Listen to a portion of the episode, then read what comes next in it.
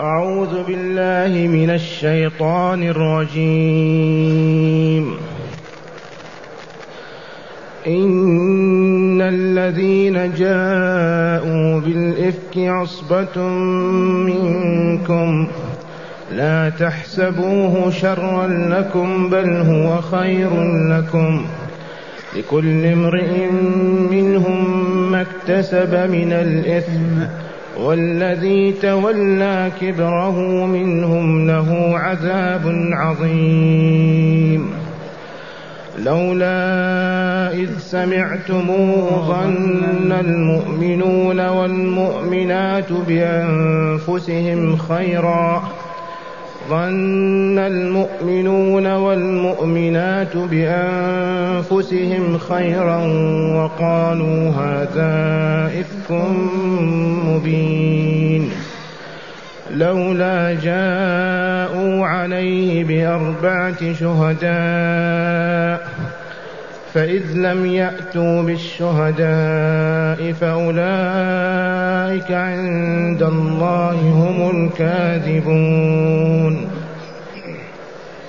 ولولا فضل الله عليكم ورحمته في الدنيا والآخرة لمسكم فيما أفضتم لمسكم فيما أفضتم فيه عذاب عظيم. إذ تلقونه بألسنتكم وتقولون بأفواهكم ما ليس لكم به علم وتحسبونه هينا وهو عند الله عظيم ولولا إذ سمعتموه قلتم ما يكون لنا أن نتكلم بهذا سبحانك هذا بهتان عظيم. يعظكم الله أن تعودوا لمثله أبدا. إن كنتم مؤمنين. يعظكم الله أن تعودوا لمثله أبدا. إن كنتم مؤمنين. ويبين الله لكم الآيات والله عليم حكيم. حقا إنها نعمة الله علينا.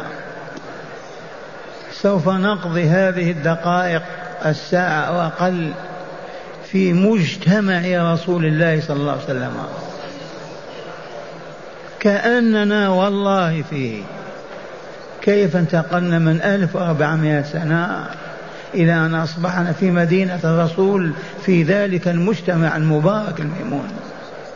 هذا فضل الله هذا كتاب الله هذا القرآن العظيم. وقبل الشروع في تفسير هذه الآيات أعيد إلى أذهانكم ما سبق أن علمتم. ثلاثة أحكام. عرفتم حكم الزاني. البكر غير الثيب والزانية والزاني البكر ذاك الذي لم يسبق له أن تزوج شرعا ووطئ امرأته. والأنثى كالرجل. الفتاة التي لم يسبق لها أن تتزوج ثم زنيا فالحكم ما بينه تعالى وهو عندكم معلوم وهو الجلد مئة جلدة أمام المؤمنين على الأقل أربع أنفار ثم يغرب الرجل أي الفتى إلى بلد بعيد سنة كاملة. إذ قال تعالى والزانية والزاني فاجلدوا كل واحد منهما مئة جلدة ولا تأخذكم بهما رأفة في دين الله إن كنتم تؤمنون بالله واليوم الآخر وليشهد عذابهما طائفة من المؤمنين. هذا الحكم خالد. هل هو يطبق في العالم الإسلامي؟ الجواب لا لأنهم أعرضوا عن القرآن وحولوه على الموتى. ثانيا عرفتم التقبيح والتشنيع للزنا. إذ قال تعالى الزاني لا ينكح إلا زانية أو مشركة والزانية لا ينكح إلا زان أو مشرك. والعياذ بالله وحرم ذلك على المؤمنين. فلهذا بلدنا الإسلامي طاير من الخبث لا زنا فيه أبدا. لهذه الأحكام العظيمة. الحكم الثالث أن من قذف مؤمنا أو مؤمنة. قال فلان زنت أو فلان زنى. يجب عليه أن يأتي بأربعة شهود. يشهدون على ما ادعاه فإن عجز يجلد ثمانين جلدة وتسحب عدالته بين الناس ويصبح لا قيمة له في المجتمع إلى أن يتوب وتقبل توبته وتصح. الذي يقذف مؤمنا أو مؤمنا ويقول فلان يتعاطى كذا أو فلانة تفعل كذا. هذا الحد هو أن يجلد ثمانين جلدة أمام الناس وبعد ذلك وبعد ذلك تسقط عدالته بين المسلمين إلى أن يتوب وتصح توبته.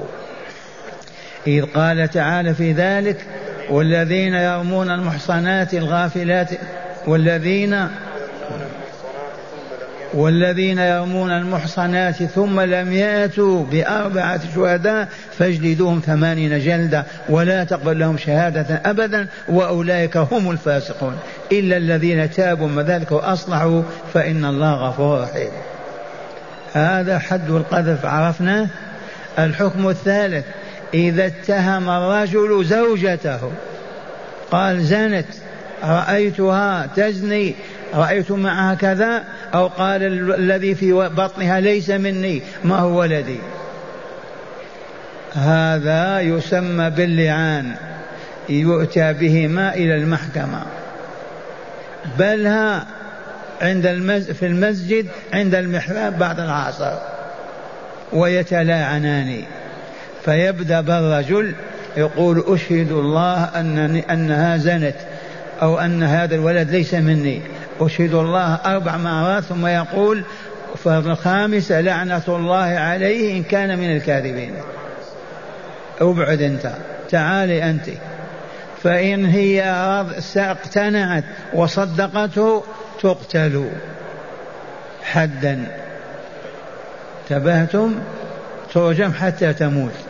وإن هي قالت لا كذب علي فقط وادعى إذا رد أيمانه فتشهد بالله أربع شهادات ما زنت وأن هذا الذي يقول هو باطل وكاذب.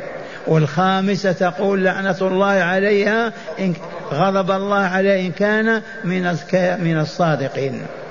ويفرق بينهما فلا يجتمعان إلى يوم القيامة. لا تحل له بعد ولا يحل لها. وإن ندم وإن بكى وإن قال أنا كذبت كل هذا ما ينفع. هذه الأحكام تقدمت في الدرسين السابقين والآن مع حادثة جليلة عظيمة. يقول تعالى إن الذين جاءوا بالإفك عصبة منكم جماعة من الربع إلى العشرة عصبة متعاصبون متعاونون.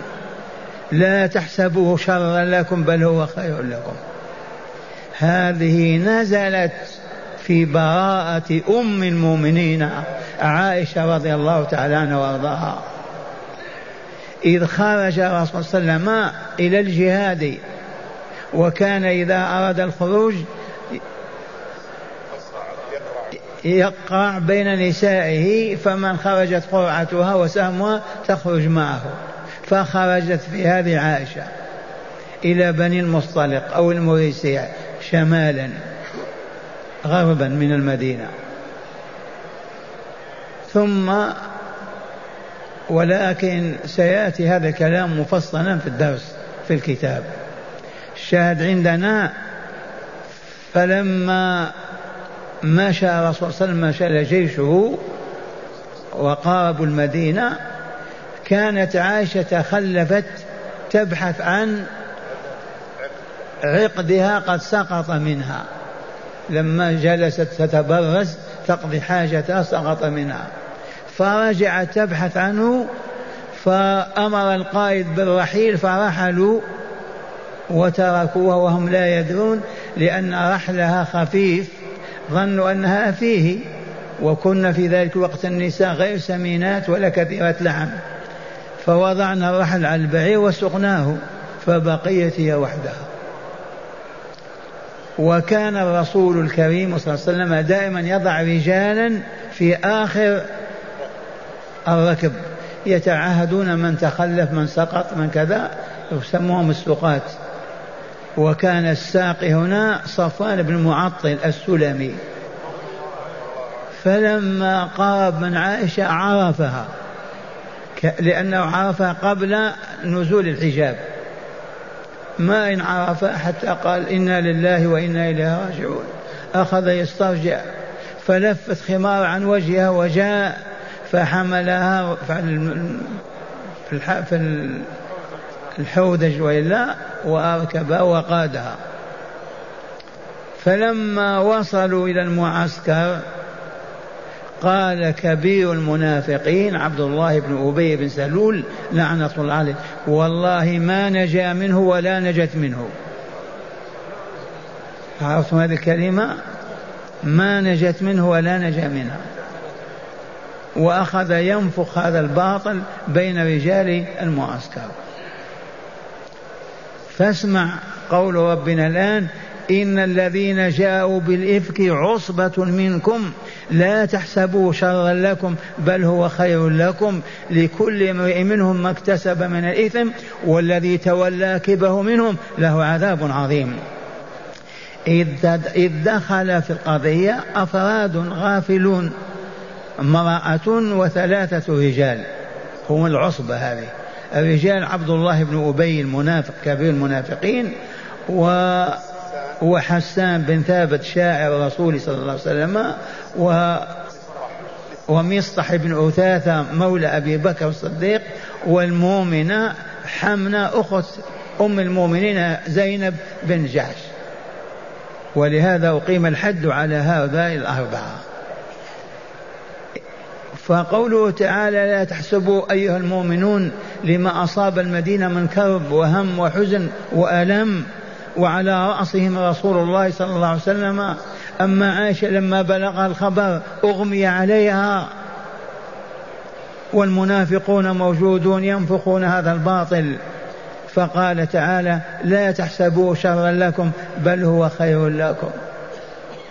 والشر هو ما كان الخير فيه قليل والخير ما كان فيه الشر قليل. والخير الذي لا لا شر فيه الجنة. والشر الذي لا خير فيه النار. لطيفة هذه نعيدها. كل خير في الدنيا فيه شر. ما يكون خالص.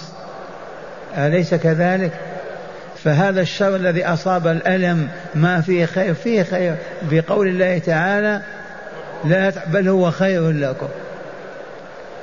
فالخير في الدنيا لا بد وأن يكون فيه شيء من الشر. والشر لا بد لا بد أن يكون فيه شيء من الخير. هذا في الدنيا. أما خير لا شر فيه إنه الجنة دار السلام.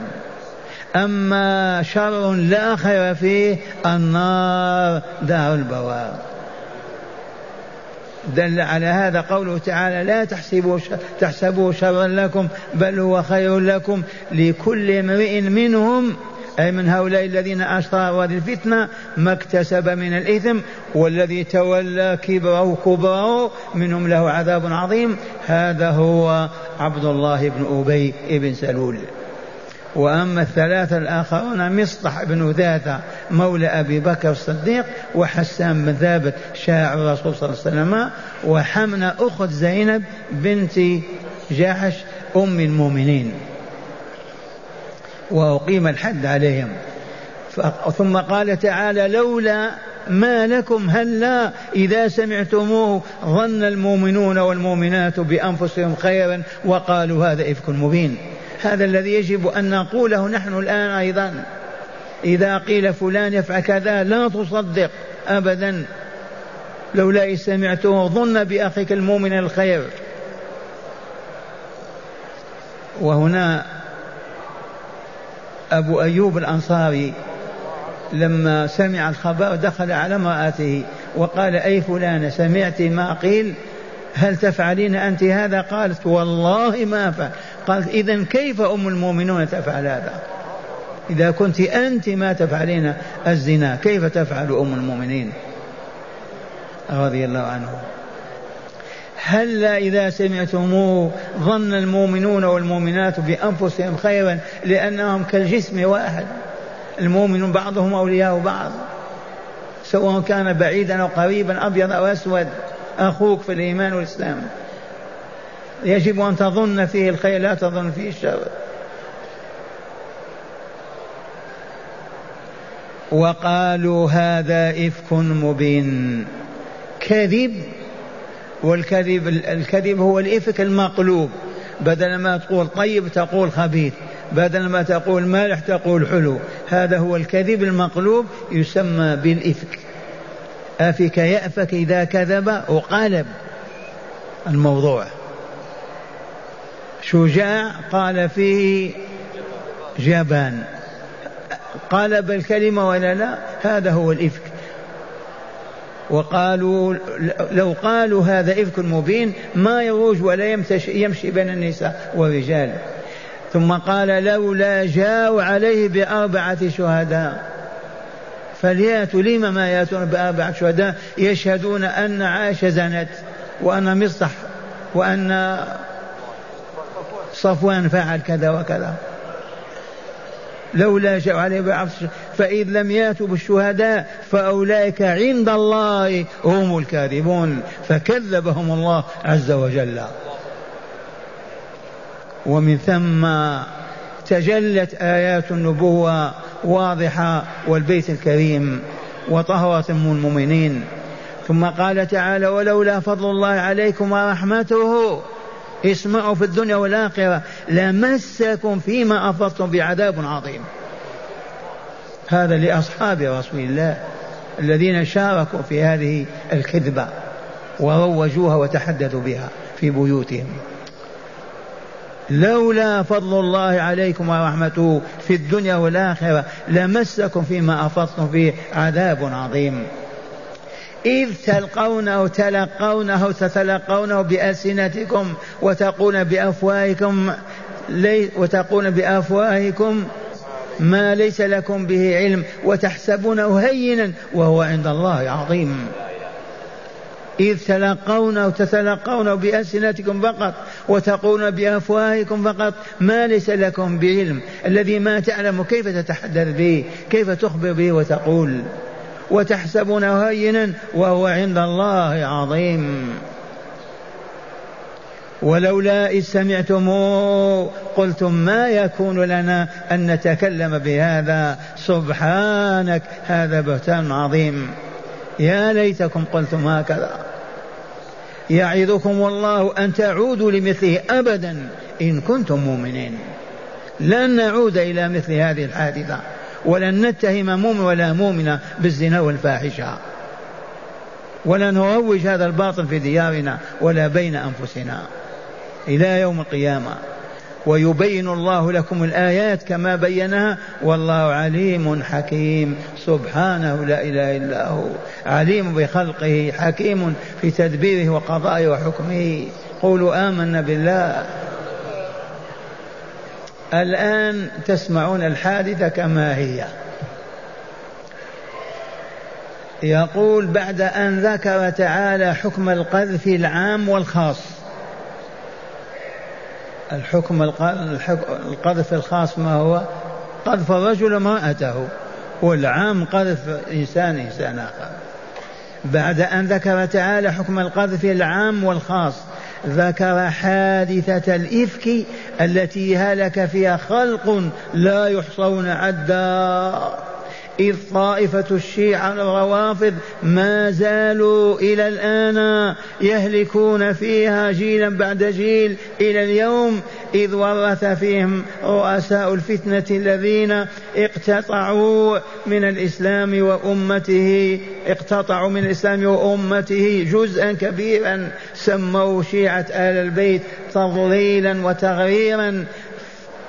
فأخرجوهم والعياذ بالله من الإسلام باسم الإسلام وأردوهم وأورادهم النار باسم الخوف من النار فكذبوا الله فكذبوا الله ورسوله وسبوا زوج رسول الله صلى الله عليه وسلم واتهموها بالفاحشة وأهانوا أيا وأهانوا أباها ولوثوا شرف زوجها صلى الله عليه وسلم بنسبة الزنا إلى الفاحشة والعياذ بالله. وخلاصة الحادثة أن رسول الله صلى الله عليه وسلم بعد أن فرض الحجاب على النساء المؤمنات خرج إلى غزوة تدعى غزوة بني المصطلق أو المريسيع ما ولما كان عائدا منها وقارب المدينة النبوية نزل ليلا وارتحل. ينزلون الاستراحة ويرتحلون. ولما كان الرجال يرحلون النساء على الهوادج وجدوا هودج عائشة رضي الله عنها فظنوها فيه فوضعوه على البعير وساقوه ضمن الجيش. ظانين أن عائشة فيه وما هي فيه لأنها ذكرت عقدا لها قد سقط منها في مكان تبرزت فيه فعادت تلتمس عقدها فوجدت الجيش قد رحل فجلست في مكانها لعلهم إذا فقد افتقدوها رجعوا إليها وما زالت جالسة تنظر حتى جاء صفوان بن معطل السلمي رضي الله عنه. وكان الرسول صلى الله عليه وسلم قد عينه في الساقة كما علمتم. وهم جماعة يمشون وراء الجيش بعيدا عنه حتى إذا تأخر شخص أو ترك متاع أو ترك متاع أو ضاع شيء يأخذونه ويصلون به إلى المعسكر. فنظر أي صفوان فرآها من بعيد فأخذ يسترجع أن يقول إنا لله وإنا إليه راجعون إنا لله وإنا إليه راجعون آسفا لتخلف عائشة عن الركب. قالت رضي الله عنها فتجل فتجلببت بثيابي وغطيت وجهي وجاء فأناخ راحلته فركبتها وقادها بي حتى انتهينا إلى رسول الله صلى الله عليه وسلم في المعسكر. وما إن رآني ابن أمي وما إن رآني ابن ابن أبي لعنه الله لعنة الله عليه حتى قال والله ما نجت منه ولا نجا منها. وروج للفتنة فاستجاب له ثلاثة أنفار فرددوا ما قال وهم حسان بن ثابت ومصطح بن أثاثة وحمنة بن جحش. والذي تولى كبره من هو؟ هو ابن أبي المنافق رئيس المنافقين. وتورط آخرون أيضا. ولكن هؤلاء الأربعة هم الذين أشاعوا وراجت الفتنة في المدينة واضطربت لها نفس رسول الله صلى الله عليه وسلم ونفوس أصحابه وآل بيته. فأنزل الله تعالى هذه الآيات في براءة أم المؤمنين عائشة رضي الله عنها وبراءة صفوان رضي الله عنه. ومن خلال شرح الآيات تتضح حادثة القضية. يتضح جوانب القصة. قال تعالى إن الذين جاءوا بالإفك عصبة منكم أي إن الذين جاءوا بهذا الكذب المقلوب إذ المفروض أن يكون الطهر والعفاف لكل من أم المؤمنين وصفوان. بدل الرمي بالفاحشة القبيحة فقلبوا القضية فلذا كان كذبهم إفكا مقلوبا. وقوله عصبة أي جماعة لا يقل عددهم عادة عن عشرة عن عشرة أنفار إلا أن الذين روجوا الفتنة وتورطوا فيها حقيقة وأقيم عليهم الحد أربعة ابن أبي وهو الذي تولى كبره منهم وتوعده الله بالعذاب العظيم لأنه منافق كافر مات على كفره ونفاقه والعياذ بالله. ومصطح ابن أثاثة وحمل بن جحش أخت أم المؤمنين زينب رضي الله عنها وحسان بن ثابت رضي الله عنه. وقوله تعالى لا تحسبوا شرا لكم لما نالكم من هم وغم وكرب من جراء من جرائه بل هو خير لكم لما كان له من العاقبة الحسنة وما ذلكم وما نالكم من الأجر العظيم من أجل عظام المصاب, عظام المصاب وشدة الفتنة. وقوله تعالى لكن لكل امرئ منهم ما اكتسب من الإثم على قدر ما قال وروج وسيجزى به إن لم يتب الله تعالى عليه ويعفو عنه. أما إذا تاب الله عليه وعفى عنه فلا عذاب. وقوله الذي تولى كبره منهم له عذاب عظيم وهو عبد الله بن أبي بن سلول رئيس المنافقين عليه لعنة الله. وقوله تعالى لولا إذ سمعتموه ظن المؤمنون والمؤمنات بأنفسهم خيرا وقالوا هذا إفك مبين هذا شروع في عتاب القوم وتأديبهم وتعليم المسلمين وتربيتهم. فقال عز وجل لولا أي هلا وهي للحظ والحث على فعل الشيء إذ سمعتم إذ سمعتم قول الإفك ظننتم بأنفسكم خيرا. إذ المؤمنون والمؤمنات كنفس واحدة.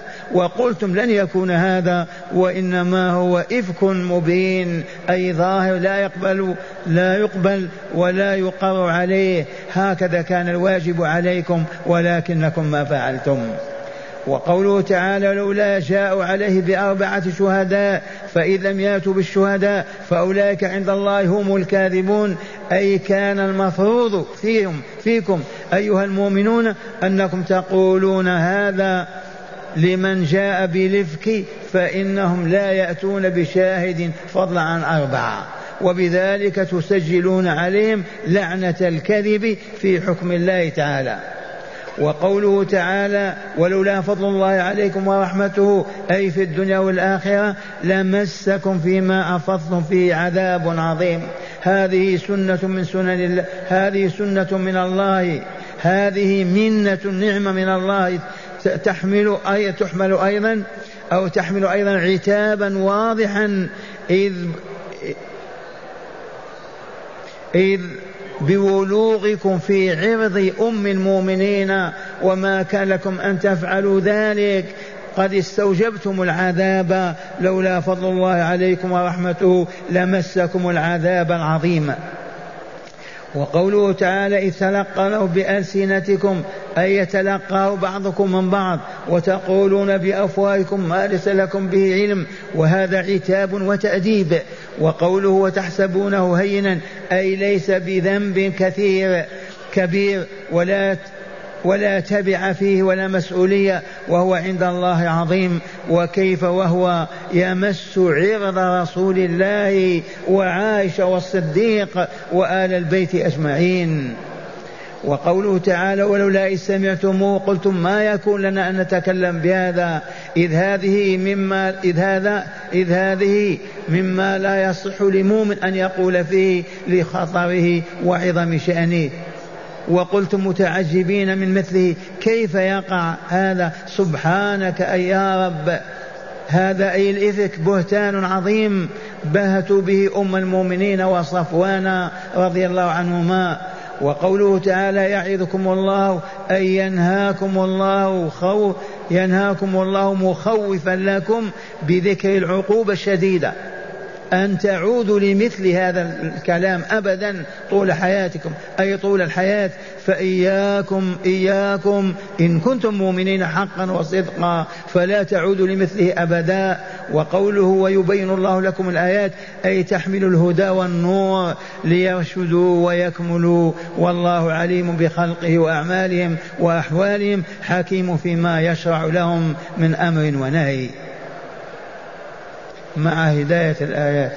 بسم الله والحمد لله. من هداية هذه الآيات أولا قضاء الله تعالى للمؤمن كله خير له. قضاء الله تعالى المؤمن كله خير.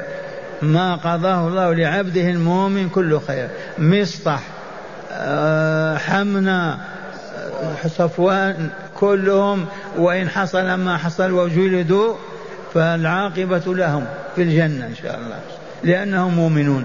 المنافق الكافر ابن أبي ولو جلد ولم يجلد عذابه في جهنم. ثانيا بشاعة الإفك وعظيم جرم وعظيم جرمه. بشاعة الإفك وقبح الإفك. ما هو الإفك؟ الكذب المقلوب. شخص شق تقي تقول فاجر. شخص كريم تقول لئيم. شخص عالم تقول جاهل. هذا هو القلب وإلا شخص طيب طه تقول خبيث منتن. والعياذ بالله هذا هو الإفك قلب الحقائق والعياذ بالله. بشع وقبيح. ثالثا العقوبة على قدر الجرم كبرا وصغرا قلة وكثرة العقوبة على قدر الجرم والإثم إما أن يكون صغيرا أو كبيرا. إذا الإثم كبير الذنب كبير الجزاء كثير وإذا كان قليلا الجزاء قليل. نعم. لعدالة الله عز وجل. رابعا واجب المؤمن ألا يصدق من يرمي مؤمنا بفاحشة وأن يقول له هل تستطيع أن تأتي بأربعة شهداء على قولك؟ فإن قال لا قال له إذا أنت عند الله من الكاذبين. واجبنا الآن. إذا شخص قال لك فلان يفعل كذا فاحشة زنا أو لواط ما هو واجبك؟ أن تقول له هل تأتي بأربعة شهداء على ما رأيت سمعت؟ فإن قال لا قل له أنت كاذب ولعنة الله على الكاذبين. واطرده من حولك. هذا واجب كل مؤمن ومؤمنة. إذا حدثك متحدث في بيتك في الشارع في كذا قال فلان يزني أو فلانة تزني أو فلان كذا أو فلان كذا. قل له عندك أربع شهود على ما تقول؟ فإن قال أربع شهود هات الأربع شهود. وما عنده شاهد واحد. إذا فقل له أنت ملعون ولعنة الله على الكاذبين. ومن ثم ما تشيع الفاحشة في ديار المسلمين. نهائيا.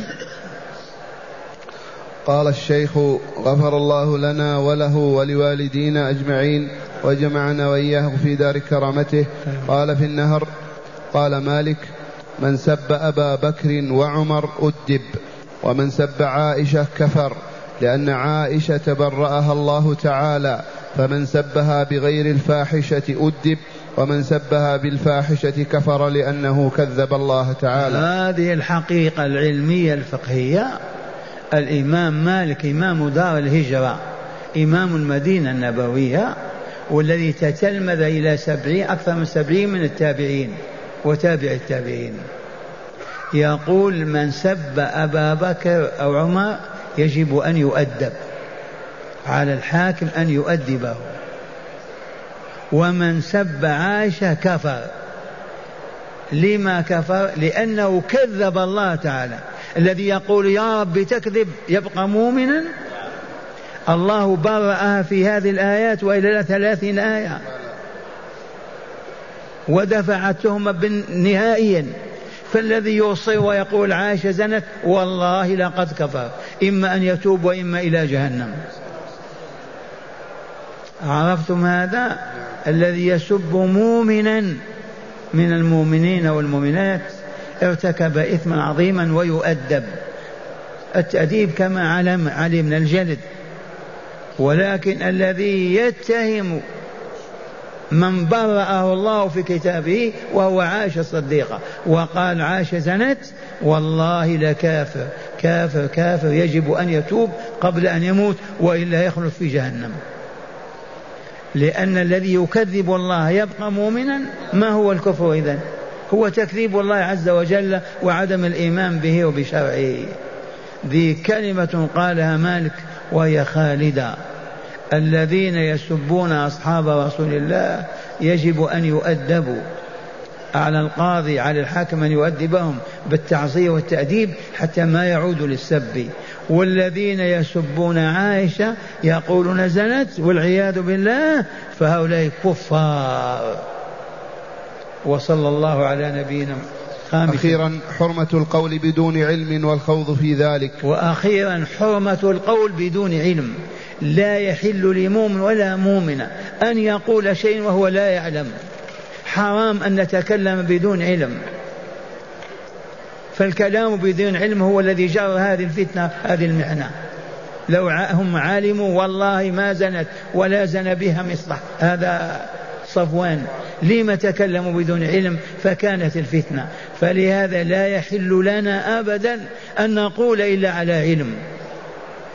أما نتكلم بدون علم حرام علينا.